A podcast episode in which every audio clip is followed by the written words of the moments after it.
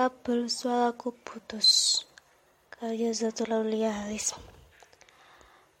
Daku pernah memiliki suara yang cukup lantang. Kau tahu, singa pun takjub mendengar suaraku. Rusukku pun tep dari besi baja panjang. Kau tahu, peluru pun tak mampu menembus organku. Tapi sekarang kabel suaraku putus. Mulutku menganga, rusukku patah, hilang sudah kenikmatku membekambas. Tiada sisa, hanya tiada beri. Meriam perundanganmu itulah pelakunya. Ia bebas melepaskan pelurunya, menghantam parah ragaku, memutus kabel suaraku. Kawanku tiada lagi bisa menitipkan aspirasi padaku atas apa yang melilit leher mereka. Telah putus dan terburai kabelku. Karena meriam milikmu, kawanku membungkam. Atas apa yang mereka tahu, opini mereka tertelan oleh kelam. Kau biarkan kepalsuan memutus kebenaran. Kau gunakan biduan supaya isu teralihkan. Masih ada otakku masih jelas biji mataku. Benar akan tersimpan di dadaku, bukan kurekam di otakku. Kelak, mereka boleh menuturkan keluh setelah kabel suaraku sembuh. Itu saja kita baru saja dengarkan pembacaan puisi dari karya terbaik opera yang bertemakan Polemik UU ITE represi terhadap mahasiswa. Assalamualaikum warahmatullahi wabarakatuh. Salam sejahtera bagi kita semua. Salam Om Swastiastu, Namo Buddhaya, Salam Kebajikan. Perkenalkan, nama saya Satrio Allah sebagai pemandu sekaligus moderator pada podcast Pojok Kastrat. Halo teman-teman budaya, apa kabar semuanya? Saya harap kalian semua dalam keadaan baik-baik saja. Hari ini kita akan berbincang tentang polemik UU ITE, represi terhadap mahasiswa. Hadir bersama saya yaitu Wakil Menteri Kajian dan Aksi Strategis BEM FIBUB tahun 2021. Kepada Kak Nazla, halo Kak Nazla. Iya, halo Satrio. Apa kabarnya nih Kak? Baik-baik, kamu sendiri apa kabar? Wah, baik juga Kak, terima kasih. Oh ya, untuk memulai lah Kak, kita akan bicara yang hal-hal yang ringan lah terlebih dahulu gitu, untuk mengupas lebih jauh apa sih UITE gitu. Jadi, menurut pandangan kakak sendiri, apa itu UITE? Oke, kalau misalnya kita bicara tentang UU ITE ini kan kita ngomong tentang sejarahnya lah ya. Apa itu Iya, iya. kemudian menjadi UU ITE gitu kan dan berpolemik saat Hmm. ini gitu.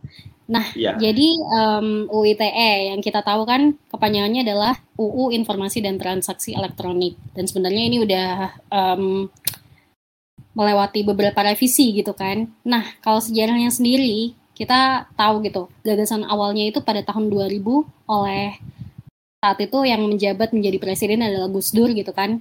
Nah saat itu ada kekosongan hukum di ranah dunia maya atau cyber gitu, sehingga waktu itu yang menyusun rancangan UU Cyber Law adalah Unpad dan UI gitu. Mereka kerjasama uh, dengan berbeda masing-masing uh, bidangnya gitu kan. Kemudian menjadi satu dalam naskah RUU pada tahun 2003. Nah, kemudian dibahas lagi secara sintesa atau hibrid antara teori uh, instrumental dan substantifnya dalam Departemen Kominfo. Saat itu namanya Departemen Kominfo ya. Di tahun 2005 sampai 2007. Nah, kemudian disahkan pada tahun 2008. Nah, itu pertama kalinya uh, UU ITE ini atau UU mengenai cyber law ini disahkan pada tahun 2008. Nah, kemudian ada nih subbagian yang membahas mengatur uh, pencemaran nama baik dan ujaran kebencian atau SARA. Nah, kemudian ini uh, bagian yang fokus dalam pencemaran nama baik ini direvisi pada tahun 2016 hingga kemudian uh, direvisi lagi di era uh, Pak Jokowi ini gitu kan dan ya itu uh, ada polemik-polemik di dalamnya. dulu sih kalau soal apa itu UU ITE. Dari penjelasan yang kakak berikan tadi, wah sedikit memberikan gambarannya bahwa nggak nyangka sih kalau misalkan UU ITE ini awalnya dibuat oleh anak-anak universitas gitu dari mahasiswa lah kasarannya. Iya Nah. betul. Tapi belakangan ini justru kayak apa yang dulunya diprakarsai oleh seorang mahasiswa, kenapa malah melawan mahasiswa itu sendiri ya kak? Jadi Nah itu juga yang menarik. Oke kak. Dan oh ya, ini sedikit apa ya kak? Ini sedikit pertanyaan lah. Apa saja yang membuatnya bermasalah dan potensi membahayakan nyawa demokrasi gitu kak dari UU ITE itu sendiri? Dan juga belakangan ini banyak sekali rumor-rumor mengatakan bahwa demokrasi Indonesia sedang sakit keras gitu. Wah. Iya, jadi kita kalau misalnya bicara tentang uh, polemiknya di situ kan ada pasal-pasal yang memang di situ yang menjadi masalah itu adalah pasal-pasal yang menjadi karet gitu kan. Kalau misalnya uh, yang menjadi polemik itu kita tahu sendiri ada 9 pasal gitu di UU ITE ini. Ada pasal 26 ayat 3, 27 ayat 1, uh, terus perangkat-perangkat uh, ayat-ayat 40, 45 dan sebagainya gitu kan. Ada 9 pasal karet di situ. Nah, di situ kenapa kemudian disebut karet? Karena di situ tidak ada um, standarisasi yang jelas mengenai apa itu ujaran kebencian, penghinaan, atau yang sekedar kritik gitu kan. Gitu. Jadi di situ ada uh, tidak ada standarisasi yang jelas mengenai apa itu ujaran kebencian, terus habis itu yang merupakan pencemaran nama baik. Yang di situ kan yang kita takutkan memang adalah intrik itu gitu kan, intrik yang kemudian bisa menjadi uh, ancaman gitu dalam uh, kebebasan berpendapat di dunia maya gitu, ataupun uh, sebenarnya ini di dunia maya ya fokusnya. Nah terus di sini um, ada simpatisan yang melapor walaupun tidak berhubungan langsung dengan kasusnya. Jadi ada beberapa hal yang kita pertanyakan gitu kan. Biasanya kan orang kalau melakukan kasus gitu kan. Yang melaporkan adalah orang yang langsung berkaitan dengan kasus itu gitu. Sedangkan di UU ITE ini banyak kejadian yang mengakibatkan adanya saling lapor. Yang uh, melapor itu tidak berhubungan langsung dengan kasusnya. Terus kemudian di sini um, ada juga ada juga potensi diskriminasi dalam penegakan hukum. Kenapa seperti itu? Karena di sini ada um, orang-orang ataupun tersangka-tersangka kasus yang terjerat UU ITE ini kemudian tidak mendapatkan mediasi ataupun uh, proses dalam hukum gitu. Tiba-tiba langsung ditahan aja gitu kan. Jadi kayak um, ya udah gitu laporan uh, bahkan yang melapor itu tadi kan kejadian saling lapor itu bahkan yang melapor itu kadang ada di kalangan polisi sendiri gitu Nah, kemudian uh, di situ tidak ada digital forensik. Kadang pelaku-pelaku dari yang terjerat dari UU ITE, maksudnya tersangkanya, bukan pelaku ya. Nah, itu langsung di ditahan gitu tanpa ada digital forensik bahkan. Nah, kemudian di sini kan um, polisi uh, benar-benar. Nah, jadi di sini kita mempunyai pertanyaan yang memang menjadi hal yang mengakar gitu kan mengenai pasal uh, di UU ITE ini jadi mana kritik yang pas menurut UU ITE itu gitu. Jadi di sini um, kritik yang benar tuh bagaimana gitu kan? Bahwasannya di sini ada juga gitu kan um, yang mengatakan bahwa hate speech yang merupakan kritik yang tidak benar gitu kan yang berisi penghinaan, diskriminasi, permusuhan, kekerasan.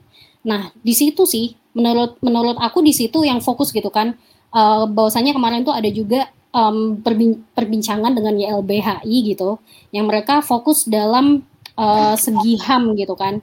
Di situ ada ada unsur tersendiri yang menyebabkan kemudian ini menjadi hate speech, yaitu tadi unsur-unsur penghinaan, diskriminasi, permusuhan, kekerasan.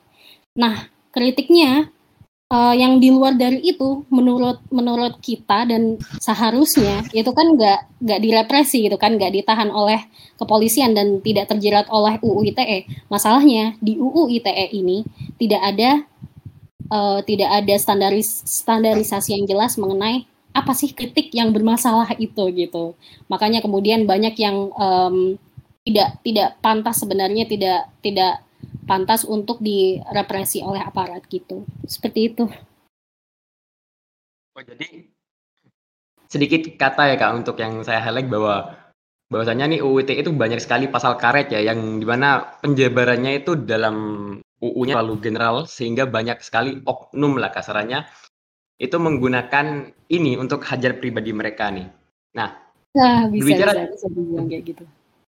Seperti yang dikatakan oleh Kak Nazla tadi bahwa ada pasal karet, yaitu pasal yang terlalu general lah penjabarannya sehingga dalam tanda kutip banyak oknum yang menggunakan ini untuk hajar pribadi mereka ya kak. Iya ya, bisa jadi kayak gitu. Jadi menimbulkan subjektivitas gitu. Hmm. Dan pasal-pasal ini kan udah direvisi kan lah. Ya setidaknya ada cahaya sedikit terhadap polemik ini. Nah, terus bagaimana nih kak? UU ITE yang bisa menjadi senjata untuk mahasiswa yang akan direpresi oleh pemerintah. Oke. Jadi kalau tentang uh, tentang di sini kita fokusnya berarti represivitas terhadap mahasiswa lah ya. Nah di sini um, mengenai UU ITE sendiri kan itu kan sudah menjerat banyak korban gitu. Korban salkaret UU ITE ini tentang penghinaan ataupun pencemaran nama baik yang jadinya di situ kritik. Walaupun sebenarnya kritik itu kan nggak selalu berdasarkan data gitu kan. Bahkan eh, orang-orang pun kalau misalnya kita mengkritik dari hati nurani gitu kan itu kan juga disebut kritik gitu kan. Tanpa ada unsur-unsur sara dan tadi itu yang uh, kemudian menjadi polemik itu dan di sini um, fokusnya di sini adalah mahasiswa gitu di mana mereka mereka adalah penyambung lidah masyarakat mereka adalah uh, elemen yang kuat gitu loh di antara masyarakat untuk menyuarakan hak-hak gitu kan, terutama hak-hak masyarakat proletar gitu kan. Nah di sini jadinya mahasiswa itu sangat erat kaitannya dengan uh, kritik gitu, kritik terhadap pemerintah gitu. Nah di sini banyak banyak banget kasus-kasus mahasiswa yang kemudian direpresi. Entah itu, oh salah satu contohnya ada nih di salah satu universitas. Uh, saya mungkin tidak menyebutkan nama universitasnya di sini. Nah di situ um, mereka mereka sedang melakukan kritik gitu terhadap birokratnya gitu kan, terhadap kampus mereka gitu kan. Nah, kemudian ini ternyata terjerat oleh UU ITE dengan uh, dalih pencemaran nama baik gitu. Kemudian mahasiswa ini uh, direpresi oleh rektoratnya sendiri gitu. Jadi dengan contoh-contoh banyak kasusnya banyak kasusnya lagi tentang represivitas terhadap mahasiswa ini, terutama juga dalam demo ataupun dalam uh, kemarin itu kan, tapi kita fokusnya di sini di UU ITE-nya ya yang bermasalah.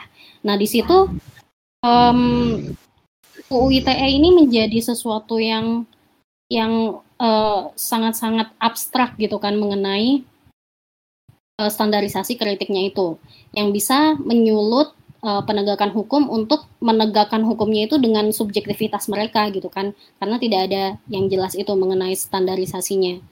Nah di sini padahal kita punya um, kalau misalnya tentang kritik itu sendiri kita sebenarnya punya undang-undang dasar yang lebih konstitusional untuk kita bawa gitu kan mengenai kebebasan berpendapat yaitu UUD 1945 pasal 28E ayat 3 gitu kan. Setiap orang berhak atas kebebasan berserikat, berkumpul dan mengeluarkan pendapat gitu.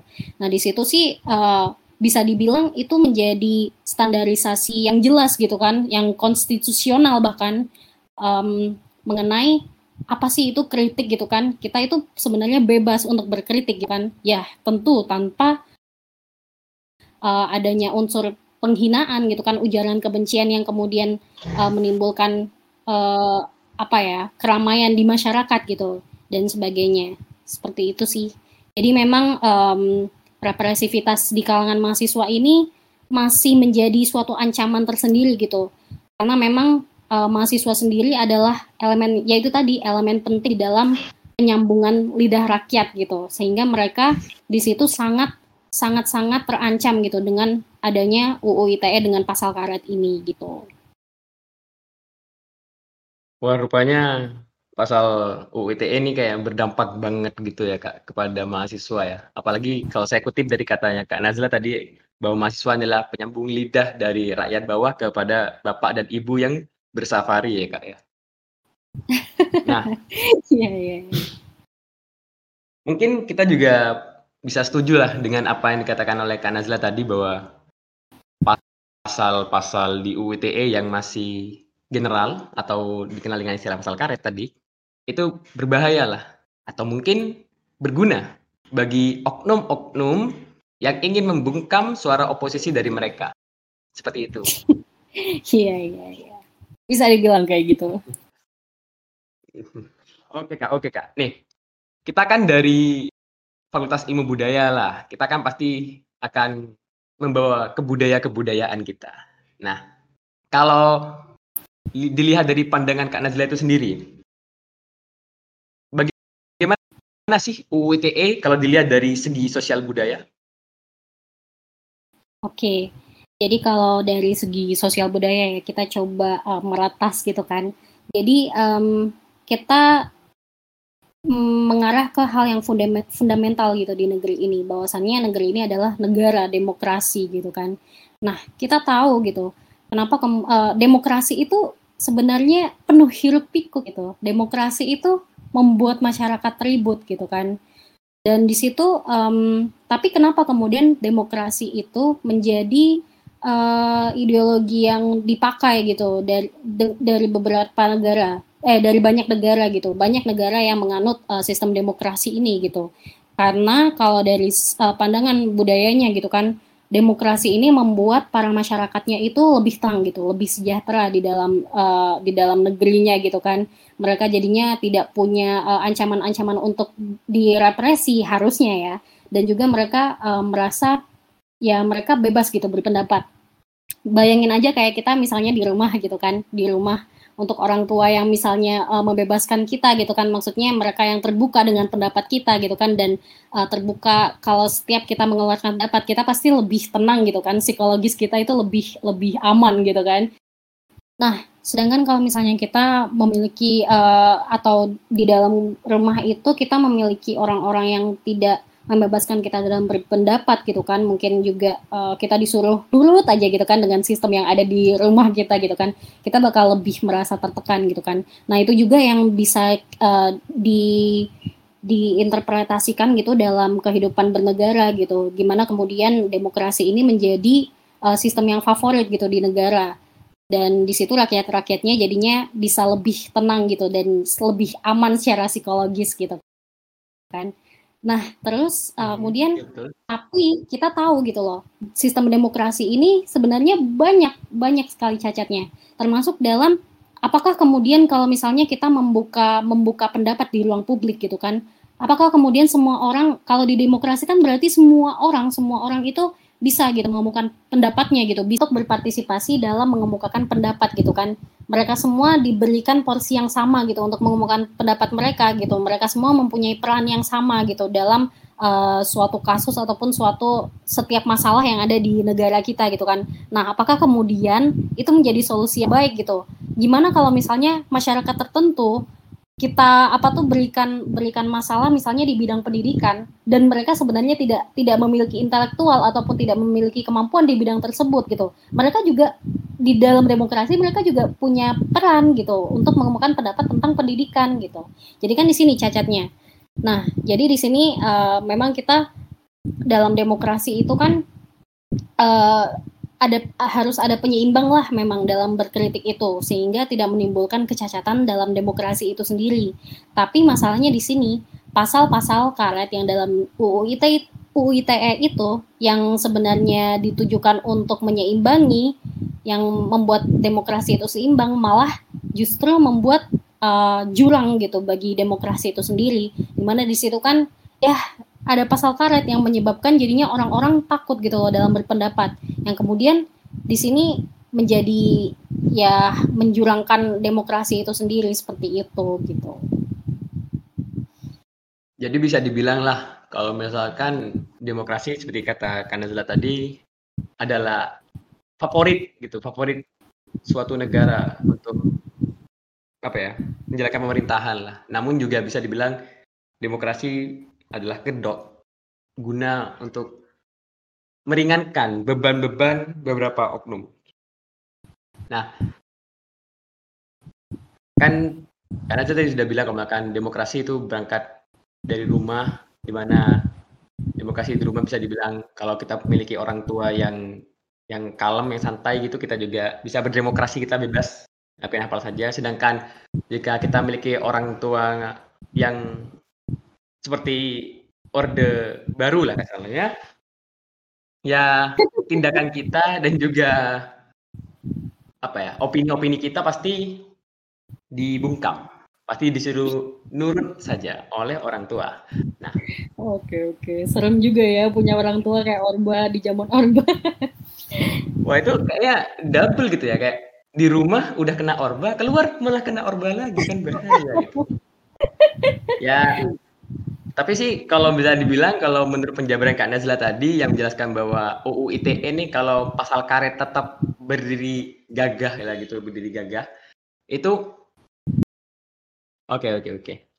Untuk kesimpulannya, seperti yang Kak Nazar tadi sampaikan, bahwa UU ITE ini awalnya datang dan juga dicetuskan oleh anak-anak mahasiswa. Untuk sepak terjangnya selanjutnya, UU ITE ini niatnya awalnya baik untuk menjaga para masyarakat Indonesia dalam menjelajah dunia virtual.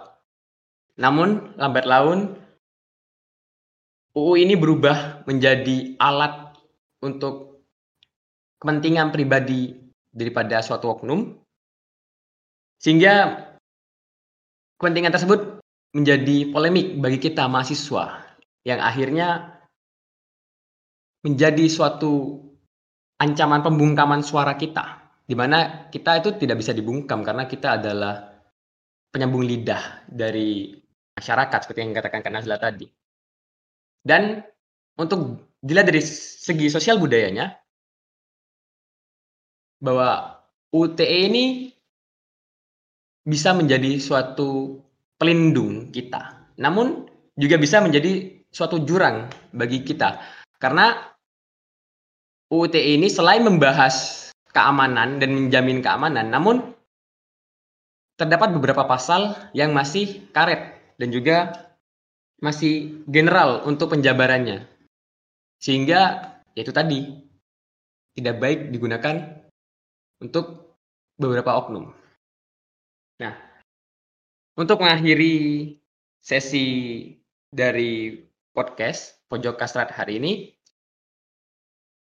saya akan mengutip kata-kata dari salah satu yang inspirasional untuk kita semua. Beliau berkata, Kenapa kau gemetar dan mengokang senjatamu ketika suara-suara itu menuntut keadilan? Nah. Terima kasih telah mendengarkan Pojok Kastad pada hari ini. Saya Satrio Deremullah pamit undur, undur diri. Dan terima kasih kepada Kak Nazla telah datang dan mencurahkan sedikitnya polemik UTE terhadap represi mahasiswa. Sampai jumpa di pertemuan selanjutnya dan mari kita dengarkan salah satu karya terbaik dari opera bertemakan polemik UU ITE represi terhadap mahasiswa. Wassalamualaikum warahmatullahi wabarakatuh. Surat Anak Bangsa Lidah-lidah menari tanpa gunggungan Sebait harapan manusia kerdil yang kehilangan peraduan. Di negara yang kata mereka hebat beramah tamah. Raksasa mendengkur di atas tonggak kuasa. Cukong-cukong asik bersenandung lagu lama. Suara kami tersumbat regulasi sang penguasa pasal-pasal berserakan di bawah meja hijau. Kabut kekuasaan menyelimuti pandangan keadilan. Dongeng lama mengalir tak bermuara, mengusik tidur mereka yang tak takut terkena azab sang dewa. Wahai anak bangsa, beranikan dirimu, ujar sang merah Wahai anak bangsa, hilangkan awan kelam yang telah terukir berabad lamanya. Sahut sang putih. Sekali lagi, mari lantangkan kebenaran yang nyata adanya. Sekali lagi, hingga Indonesia berjalan sesuai cita-cita bangsa kita.